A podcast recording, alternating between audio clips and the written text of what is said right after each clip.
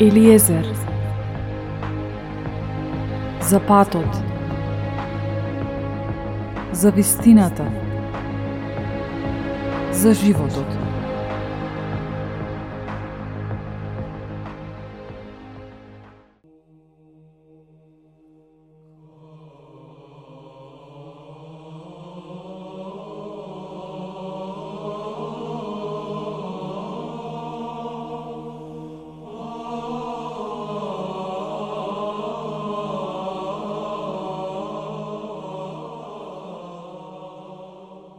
Зашто јас не се срамам од Евангелието на Христос, бидејќи тоа е сила Божија која го спасува секого што верува. Бидејќи во него се открива правда Божја, од верата и во верата, како што е напишано, праведникот преку верата ќе живее. Зашто гневот Божи се открива од небото против секоја безбожност и неправда, на луѓето кои вистината ја спречуваат со неправда. Па така, она кој може да се знае за Бога, ним им е откриено, бидејќи Бог тоа им го открил. И на вистина, она што е во него невидливо, односно вечната негова сила и божественост, согледливи се уште од создавањето на светот, гледано според неговите дела, па така тие немаат изговор. Зашто кога го познаа Бога, тие не го прославија како Бог, ниту пак му благодарија, туку се заблудија во своите помисли и нивното неразумно срце им се помрачи.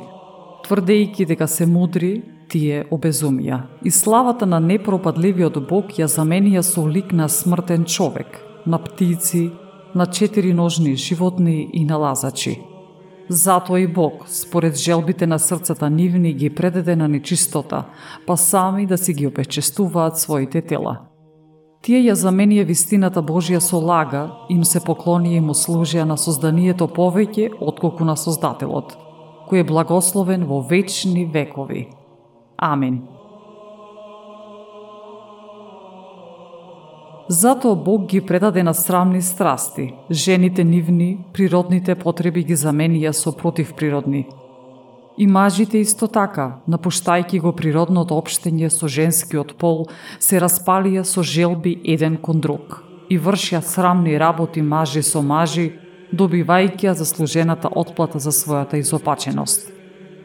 И бидејќи не се обидува да го задржат Бога во разумот свој, затоа Бог ги предаде на нивниот изопачен ум, да го прават она што не прилега. Исполнети со секаква неправда, блудство, лукавство, алчност, злоба, полни со завист, убиства, кавги, измами, злонамерност, озборувачи, клеветници, богомразци, насилници, фалбачи, горделивци, измислувачи на зло, непослушни кон родители – неразумни, неверни, недружелюбиви, непомирливи, немилостиви. Тие, иако ја познаваат праведната одредба Божија дека оние што вршат такви дела заслужуваат смрт, сепак не само што ги вршат, туку се благонаклонети и кон оние што ги вршат.